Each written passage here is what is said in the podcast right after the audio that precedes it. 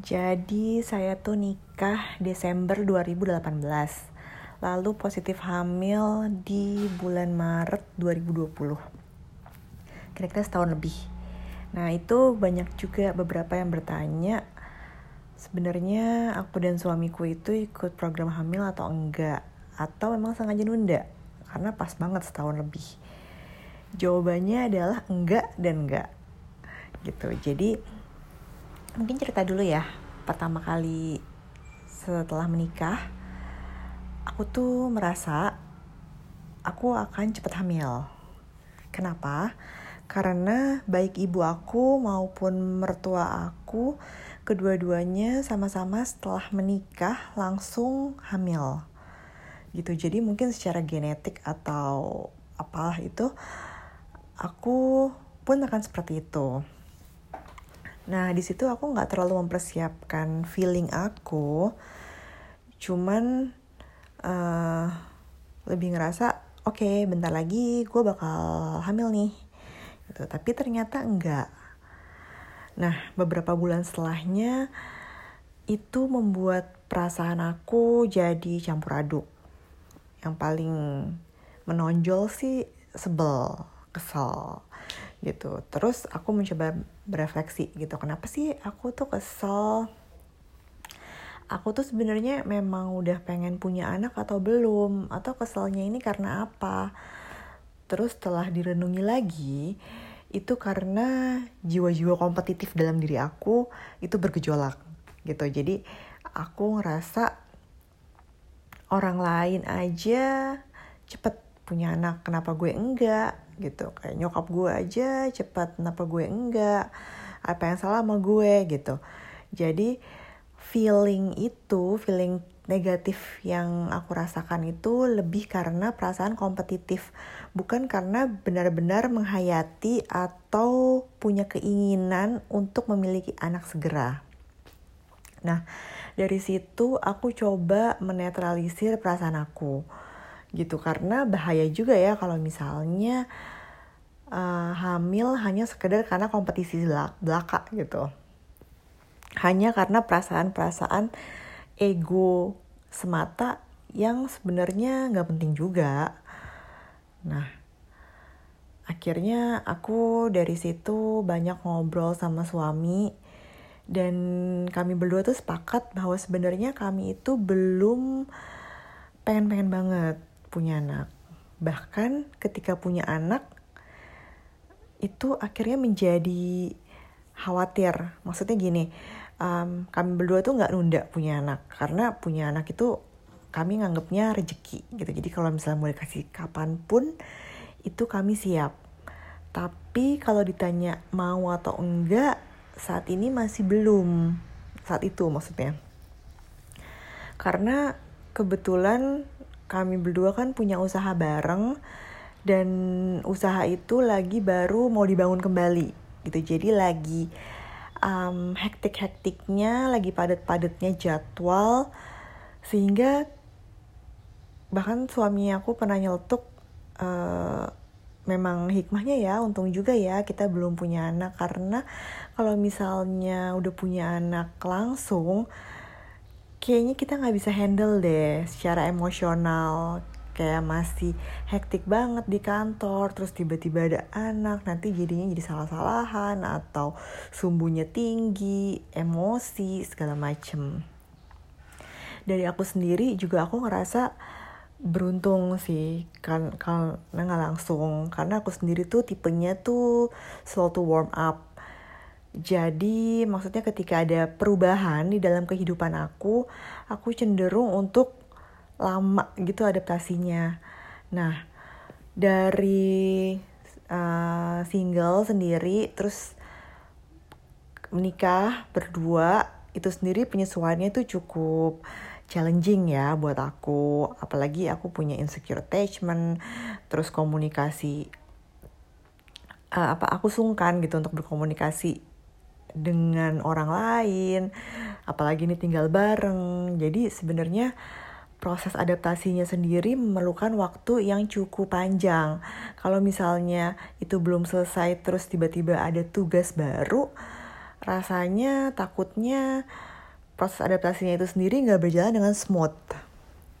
Gitu. Jadi um, sebenarnya kami berdua sepakat untuk merasa memang ideal nih untuk kami berdua nih belum punya anak di saat itu gitu karena um, belum pengen-pengen banget gitulah dan kami berdua juga selalu percaya bahwa yang namanya um, waktu ya Allah yang tahu yang terbaik gitu. Jadi kami selalu berdoa bukan untuk diberi cepat keturunan tapi diberikan keturunan pada waktu yang tepat gitu karena Allah yang tahu bukan kita gitu. Ya udah jadi um, singkat cerita pokoknya kalau misalnya itu tuh kami selalu cross check sih kadang-kadang kayak um, jangan sampai misalnya kita udah sepakat nih kami belum mau punya anak tapi kan nggak tahu misalnya beberapa bulan ke depan mungkin salah satunya pengen tapi yang satunya masih belum. Nah jangan sampai ada ketidaksinkronan ini gitu. Jadi kadang-kadang di cross check juga untuk uh, ngelihat nih sama atau enggak. Kalau misalnya nggak sama apa jalan keluarnya yang kayak gitu. Dan so far sih selalu sama. Nah tapi menjelang satu tahun pernikahan itu agak bertanya-tanya juga nggak sampai khawatir tapi cuma bertanya-tanya. Uh, karena menurut definisi dari lupa sih WHO atau apa ketika satu tahun belum positif padahal nggak nunda itu disebut dengan mandul atau infertil. Nah kami jadi agak bertanya-tanya apakah memang kami ada masalah kesehatan? Kalau ada masalah kesehatan uh, kami pengen tahu apa itu gitu cuman sekedar pengen tahu aja. Gitu. Jadi akhirnya sedekat-dekat setahun pernikahan kami pergi ke sebuah tempat yang katanya terpercaya. Ke sanalah kami. Dan di sana hmm, itu sama profesor yang nanganin kami. Itu pengalamannya kurang menyenangkan sih karena aku ngerasa kayak cuma jadi objek aja gitu. Jadi misalnya kayak di USG terus ayo next next next gitu. Jadi nggak pakai senyum nggak pakai memperlakukan dengan manusiawi tapi diperlakukan seperti robot. Lalu dari pemeriksaan awal yang diperiksa tuh aku dulu. Uh, suami aku nanti di pemeriksaan selanjutnya. Tapi di pemeriksaan awal itu sebenarnya aku tuh fine fine aja gitu. Jadi kayak semuanya tuh oke okay, rahimnya oke. Okay.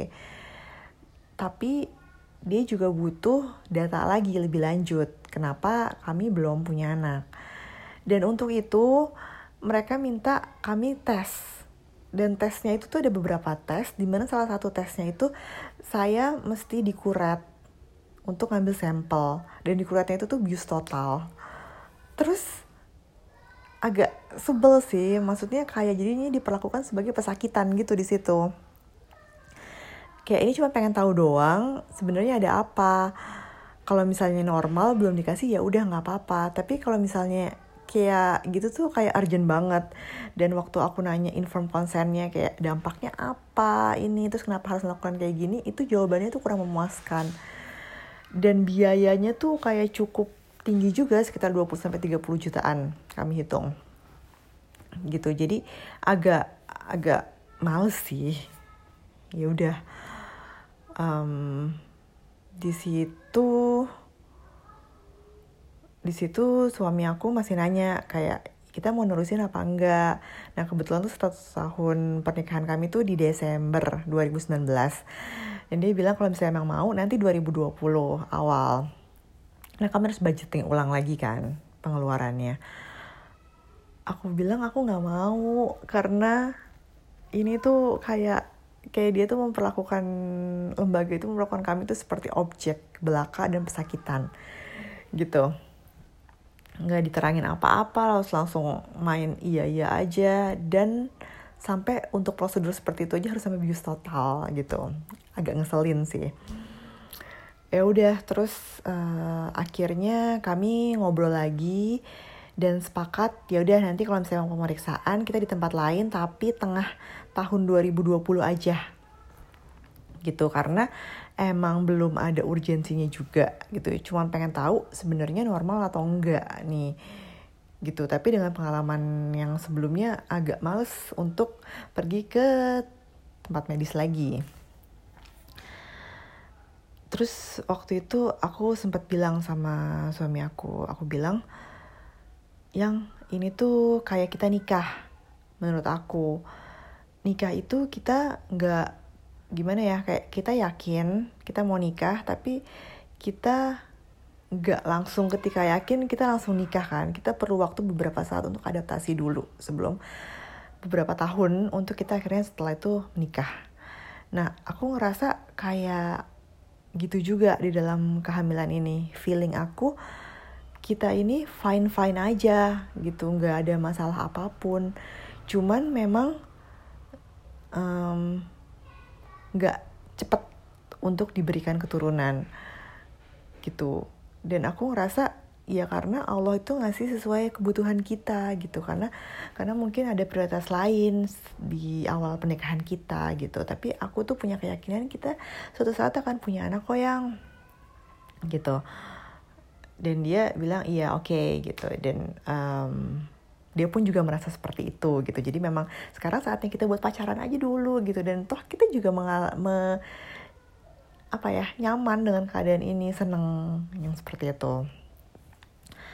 Nah habis itu akhirnya oh dan habis itu kami juga bersepakat bahwa kalaupun memang gak dikasih ya udah kami nggak mau tapi ini pandangan kami ya, maksudnya orang lain beda ya. Tapi kalau kami sendiri kami nggak mau pakai sistem bayi tabung atau adopsi atau segala macam.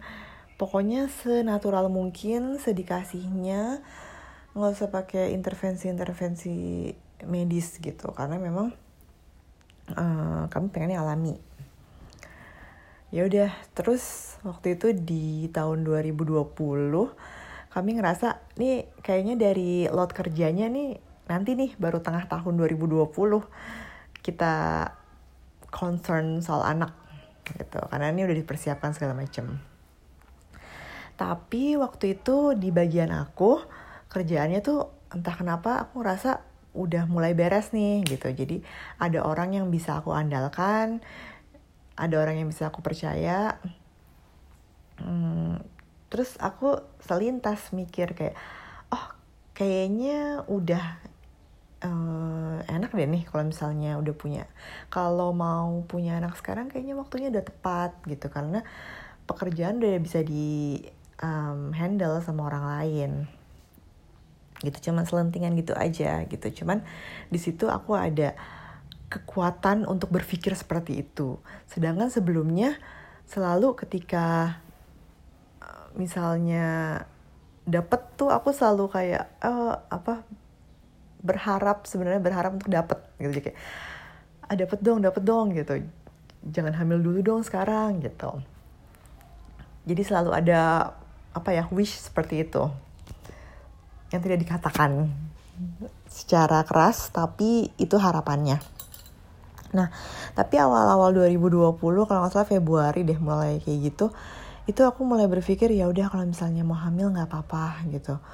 Udah pasrah aja gitu terus ngerasa kayaknya udah waktu yang tepat juga gitu. Eh terus bulan Maret cek ternyata positif gitu. Terus aku ngerasa kayak wow hebat banget gitu. Allah benar-benar tahu apa yang dibutuhkan sama kami gitu. Jadi kami berulang-ulang berdoa ya Allah uh, engkau gitu yang maha tahu apa yang kami butuhkan kapan waktu yang tepat dan memang Allah kasih gitu. Dan kasihnya tuh lucunya adalah padahal waktu itu bukan masa subur tapi dikasih gitu. Jadi itu kayak lucu banget ajaib banget. Dan memang menunjukkan bahwa kalau Allah udah berkehendak ya apa pun nggak akan bisa mendinainya gitu. Gitu jadi kayak seru banget sih pengalaman ini. Membuktikan bahwa memang Allah yang paling tahu waktu yang terbaik untuk apa pun termasuk kehamilan ini